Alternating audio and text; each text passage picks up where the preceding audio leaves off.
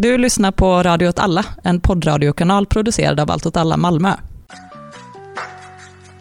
Du lyssnar på Stundens hetta. I Stundens hetta diskuterar vi aktuella händelser och situationer som berör oss alla, på samhälls och individnivå. Följ oss på sociala medier och stöd vår verksamhet genom patreon.com snedstreck Malmö. Hej alla härliga Radio åt alla Stundens hetta-lyssnare. Det här är producenten. Eh, eftersom att jag inte var närvarande vid den här inspelningen så är introduktionen helt fruktansvärt dålig. Och det var för att eh, de tre deltagarna alltså hade försökt cirka fem till tio gånger att göra ett intro, men misslyckats. Eh, och då lämnade de ett klippjobb till mig som alltså var ett half-assat intro.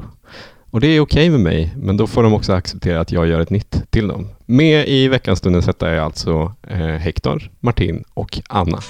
Trevlig lyssning. Efter vårens enorma stödpaket så har regeringen under hösten skjutit till allt mer pengar eh, till näringslivet, framför allt i stödpaket för att hålla ekonomin över ytan trots pandemin. Och hoppet om minskad smittspridning eh, tilltog ju efter sommaren eh, med Folkhälsomyndighetens kalkyler, men som alla märkt så var ju de datamodelleringarna ganska fel och smittan har tagit ny fart med, med påverkan på svensk ekonomi och det ser man kanske tydligt i en rapport eller en publikation som Konjunkturinstitutet släppte, tror jag, denna veckan, mm. under veckan. Det stämmer. Ja. Uh, där de, och Konjunkturinstitutet är ju en, ett institut som analyserar trender och prognoser uh, inom ekonomin. Och där visar de ju att deras, de tidigare prognoserna om hur svensk ekonomi skulle påverkas av pandemin var ganska optimistiska, trots att de var ganska alarmistiska, uh, så var de väl optimistiska. och det man visar nu det är att ekonomin visst gått sämre än väntat. Och alla sektorer utom, bygg, jag tror byggnation eller mm. bygg, mm. byggbranschen backar. Och det absolut värsta är det för detaljhandeln. Som backar tror jag 14 procent. Uh, det är väl mot förra året.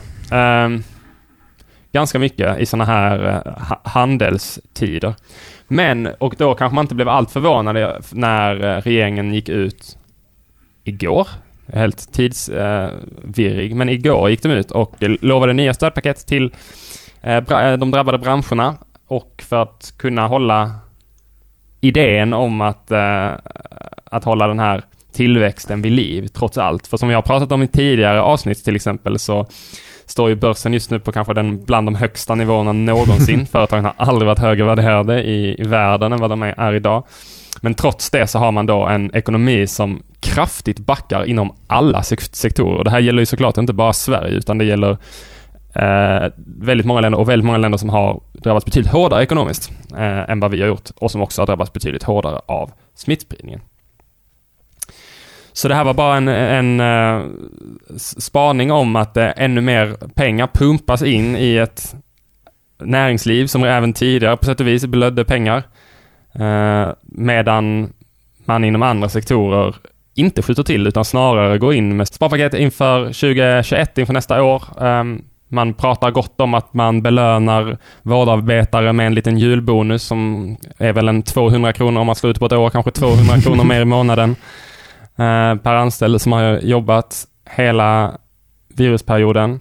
Men också att vi väl kommer få se en, uh, fler, jag skulle, tro, jag skulle väl tippa på fler stödpaket till Eh, till olika drabbade branscher som också i kölvattnet av de här kriserna kommer nog drabbas ganska hårt också när, när stödpaketen mattas av eller när man inte längre kan ha permitteringsstöd och, och den typen av skattelättnader och så vidare. Ja, precis. Det är väl då det blir eh, verkligen skit, när pengarna bara sina och arbetslösheten kommer stiga ännu mer. Ja, precis, för då får man ju en sån mer kanske explosionsartad eh, effekt om mm. man inte fasar ut det väldigt mycket. Men det är ju också nog sätt och vis ganska orimligt mm. att tro att alla kommer gå lika bra de kommande åren mm. när vi har haft den här situationen. Att det är lite naivt kanske att tro.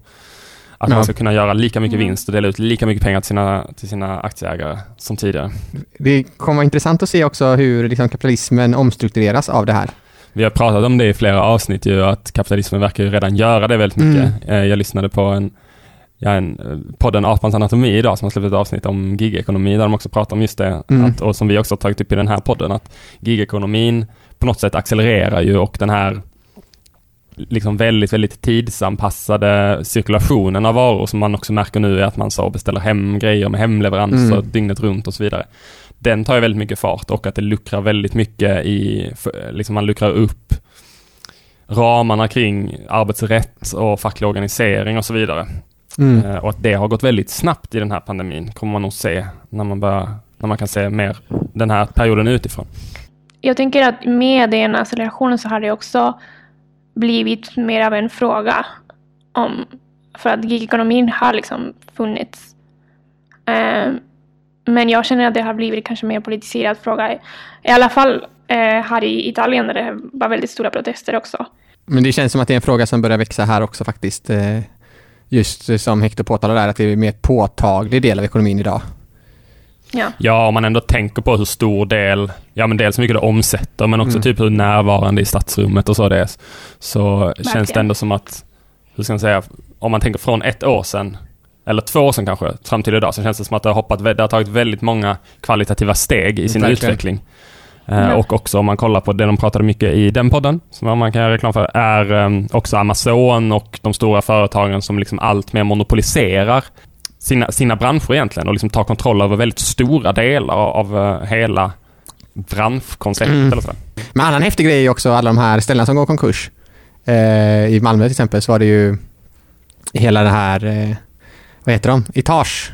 Mhm. Nej, det var inte Etagegruppen, det var kvarteret Malmborgen. Exakt. Eh, Och det innebär att det också kanske kommer vara massa tomma lokaler och det skapar också möjligheter. Alltså, jag tänker att hela stadsmiljön, om inte de här sparpaketen bara slår väldigt väl då, att alla börjar direkt när eh, vaccinet kommer konsumera på exakt samma sätt igen. Mm. Ja. Att eh, då kommer liksom också stadsrummet förändras på ett sätt. Ja, jag tror att stadsrummet verkligen också, jag tror att många företag kommer effektivisera i termer av att man inser att det går ju att ha folk som jobbar hemma ganska mycket och man Ja. behöver inte ha de här stora kontorskomplexen nödvändigtvis. Så att arbetet kommer att se annorlunda ut. Ja. Mm. För att man har tvingats till att testa en typ av arbete som man inte hade vågat sig på eller aldrig skulle ens kunna testa i så stor skala. ja.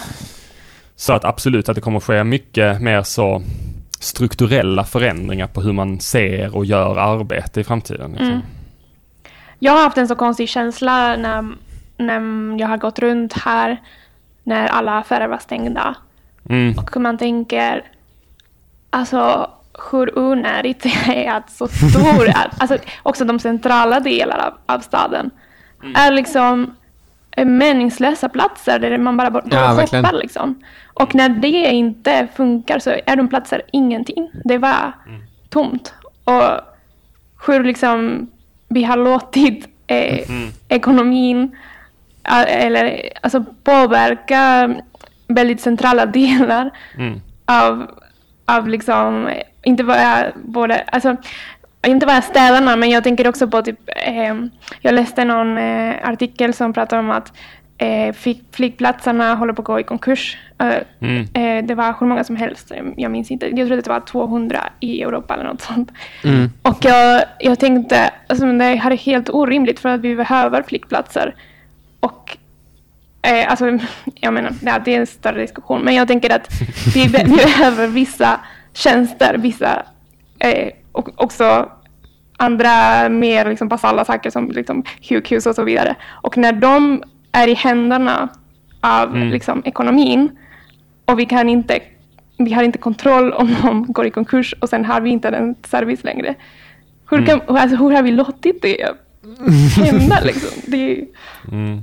Jag, jag ser framför mig en sån framtid när man, eh, det går omkring massa arbetslösa på stan då, för att ekonomin har kraschat.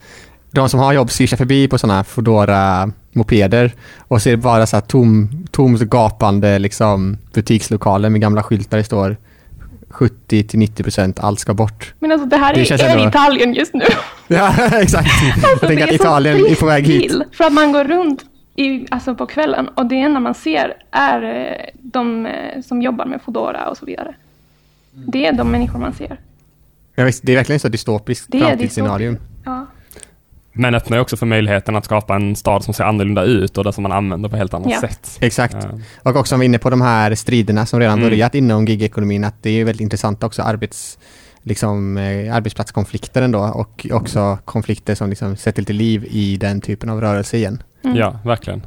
Och typ en diskussion mer allmänt om arbete där man också ser när man har pratat i väldigt många länder där man till exempel har stängt ner sektorer för icke-systemrelevanta jobb Mm. eller så. Det har man inte gjort i Mm. Sverige på exakt det sättet men eh, där man också kanske, där det blir väldigt tydligt vilka det är som verkligen behövs. Ja. I, alltså att man så, börsmäklarna hade ju ganska lätt att jobba hemma och ingen brydde väl sig om, alltså så, eh, men att vi har väldigt stora delar av samhället som är otroligt, otroligt, utför otroligt viktiga jobb liksom. Ja, Verkligen. verkligen. I veckan var det väldigt stora protester. Det sägs att det var ungefär 150 000 personer som gick ut på gatan i Paris. Och eh, de protesterna är emot en, en lagförslag som har faktiskt, eh, det har inte röstats igenom i senaten, men det har röstats igenom i den andra instansen. Och eh, den heter så Global Security Law, vad ska man säga. Eh, men en av de mest kontroversiella punkter är att eh, det kommer, man kommer inte tillåta bilder eller filmer av eh, när poliser gör interventioner. Ehm, och sen är det lite så luddigt att det handlar om eh, deras, eh, om, om, om polisernas eh, så psykologisk välmående. eh, men alltså det är väldigt tydligt hot eh, mot mycket och det är nästan alla delar i samhället som har liksom, kritiserat detta och därför har det blivit så stora protester. Eh, sen finns det lite annat också för att den också eh, gör att det blir lättare för polisen att eh, bejaka folk. Eh, till exempel drönare är tillåtna och så vidare. Och I veckan hade det också kommit ut en video av en polis som misshandlar en, en svart musiker. Och eh, det blev väldigt stor i medien. Och eh, också tänker jag att det, det har också hela diskussionen från Black Lives Matter i USA har också blivit en del av diskursen i Frankrike. Så det, delvis är det kopplat till det, de här protester och den här lagförslag. Men äntligen så har det en början i, i de protester eh, som började för två år sedan med de med gula västar.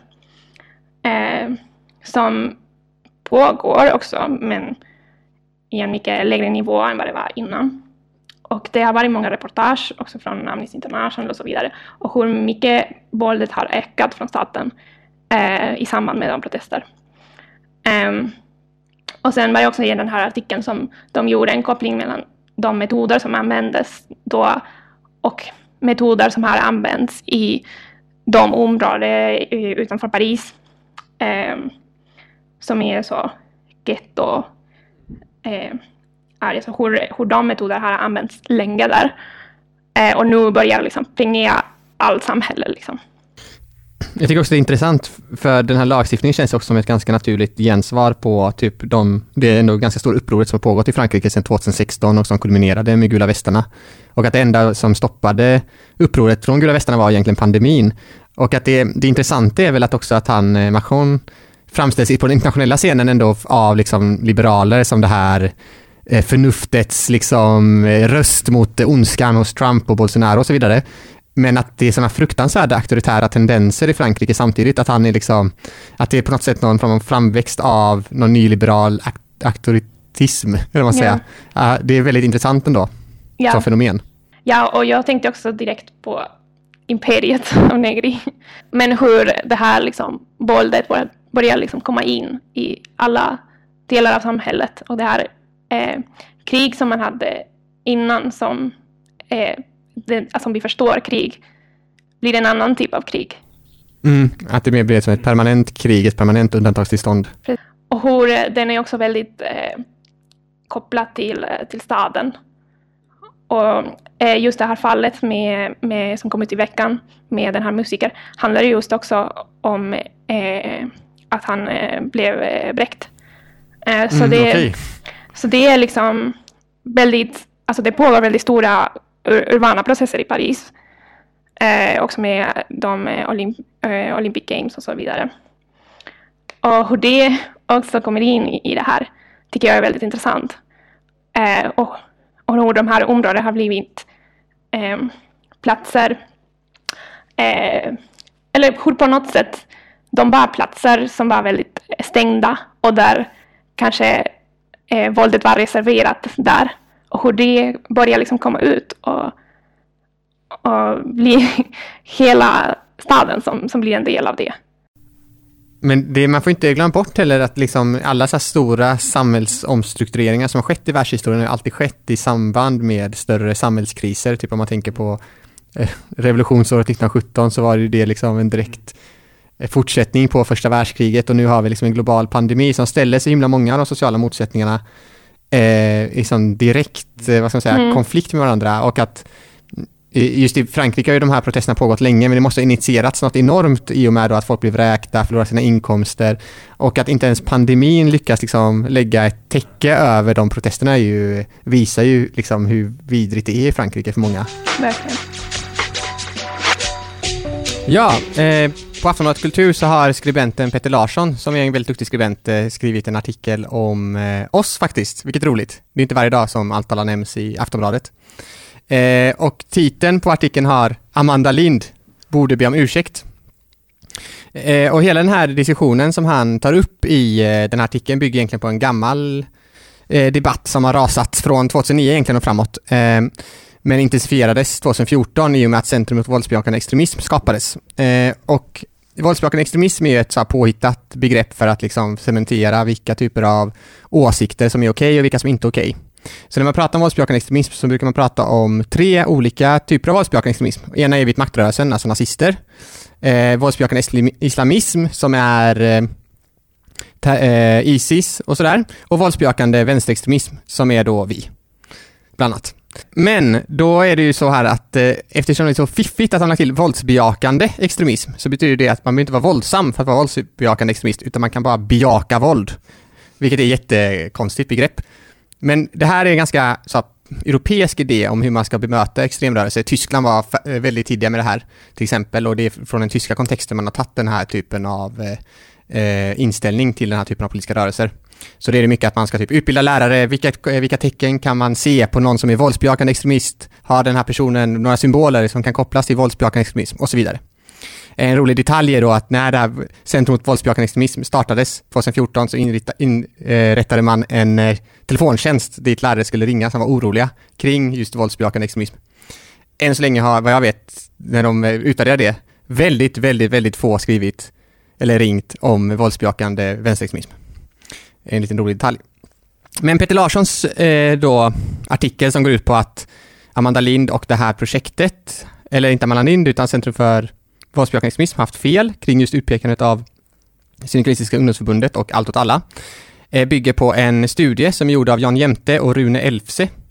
Och de intervjuar 31 aktivister kring repression och vilka effekter en sån här eh, åtgärd kan sägas ha mot en rörelse då, alltså hur aktivisterna själva upplevde att det var att vara del av en, något som staten kallar för våldsbejakande extremismrörelse och vilken effekt det kan ha haft på deras aktivism. Och de delar upp eh, effekterna i två. Direkt eh, repression, alltså legal repression, att man blir gripen, straffad och så vidare. Och också indirekt repression. Och där kommer det sociala stigmat om att vara med i någonting som anses då vara inte okej, vilket det får ändå får anses vara då, att vara med i en våldsbejakande extremiströrelse. Eh, och de menar på i, i den här studien att det som aktivisterna tar upp är att det har ökat ett stigma kring att vara medlem i sådana här organisationer som rör sig på någon form av gråzon i samhället. Och det är första artikeln. Och då vaknar GPs ledarsida. Det här är ju inte okej. För våldsvänstern, som Håkan Boström har som rubrik på sin artikel där, Våldsvänstern förtjänar inga ursäkter. Så han börjar såklart den här artikeln med att ta upp lite gamla myter som man brukar ta upp när man pratar om eh, vänsterextremism.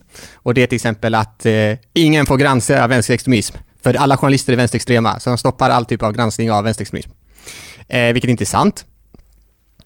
Eh, och sedan då givetvis, eftersom GPs största eh, politiska mål här i livet är att bereda väg för Sverigedemokrater, så är det också att de tar upp att eh, Syndikalistiska ungdomsförbundet till exempel är visst antidemokratiska, för de stör Sverigedemokratiska torgmöten. Och det gör även Ung Vänster, Vänsterpartiets ungdomsförbund. Eh, och sen så tar de också, så tar han givetvis upp då att sådana som Peter Larsson och sådana hans forskare som Jan Jämte, de gör ju bara det här för att de själva är vänsterextrema. Och som case då så har han att en person misshandlade förra eh, partisekreteraren från Sverigedemokraterna och den personens pappa är en väletablerad professor i ett estetiskt ämne. Så det är en eh, vattentät bevisföring där att eh, vänsterextremismen är ett med Det är så forskningsmetod A i kausalitet. Absolut, det är verkligen ett bevis på att det finns väldigt nära band mellan Mm. etablissemanget och vänsterextremismen. Och det är därför som Janne Josefsson inte får granska. Ja. Vilket han ändå har gjort några gånger. Men det, Väldigt det, dåliga mm. och, men vad ska man göra för politiska poänger om sånt här egentligen? För det är svårt för rörelser som blir våldsbejakade, stämplade, eller vad man ska säga, stämplade som våldsbejakande extremister att svara på det här. För å ena sidan så blir ju ett svar man kan ge så här. Vi är svinvåldsamma, det här är skitsamma. Det är ett svar. Andra svaret är Nej, vi är inte alls våldsamma. Vi är jättesnälla egentligen. Låt oss vara. Vi vill vara en del av det här samhället. Vi vill diskutera med Mona Sahlin om, om våldsbejakande extremism. Snälla, snälla släpp in oss i och, dem- värmen. och demokratiminister Amanda Lind borde be oss om ursäkt Ja. för att hon har varit så taskig. Precis. och det här är ganska intressant, för det var stora diskussioner om varför Allt åt alla var med i den här eh, rapporten och den här plattformen från början. För det var just många som liksom gick ut till vårt försvar utan att vi bad om det och var så här, nej, Allt alla ska inte vara med här, för Allt alla är egentligen supersnälla. Och vi delar inte den synen på oss själva. För vi vill ju faktiskt på något sätt radikalt förändra samhället. Men samtidigt så är vi inte heller några våldsförhärligande ISIS-terrorister liksom. Så det intressanta här är väl att försöka att bibehålla just den här odefinierbarheten, att vi inte är så intresserade av att Amanda Lind eh, skulle bjuda in oss på ett samtal och vi får prata om det förträffliga med den borgerliga demokratin eller förträffliga med eh, att ha ett gott demokratiskt samhälle. Och vi är inte heller så intresserade av att vilka stämplar som folk ger oss, utan det intressanta för oss är alltid vad vi gör. Och jag tänker att det är väl det som också har varit vår styrka, dels i den här debatten, men också i vårt politiska görande. För även om de här aktivisterna i Jan Jämtes studie säger att vi har eh, liksom råkat ut för en ökad eh, stigmatisering, så skulle jag säga att när, så fort vi gör bra saker och har ett brett stöd, så är det alltid det bästa försvaret mot repression. Ja. För att det är helt omöjligt att inte ha med människor att göra som ändå tycker är rätt vettiga i slutändan. Det som är väl också intressant, alltså det, verkligen i den här debatten, och det, jag tycker att den, man kan ju prata hur länge som helst om det här för att också i grunden, alltså om man tänker på den 2014, Mm. eh, utgångspunkten att det bara var så dumt från början. Ja. Alltså så mer så direkt korkat och väldigt icke-akademiskt. Alltså om man tänker på de forskarna som gick ut till vårt försvar för att det mer handlar om att så man kan inte definiera, det här är en felaktig definition liksom. Mm. Men det som är det intressanta där är också att de forskarna gör ju ett generalfel som tänker att det här Mm. har någonting med Ja, vetenskap att göra. Ja. Utan det handlar ju bara eh, om samhällets försök att definiera vad som är okej politik och vad som inte är okej politik att bedriva. Verkligen. För anledningen till att vi var med var att vi hade skrivit typ något stöduttalande tror jag till de som blev eh, några RF-aktivister, som revolutionära fronten-aktivister som åkte fast och då var vi så, ja men kom, kom till Café 44 i Stockholm och, och fika för dem.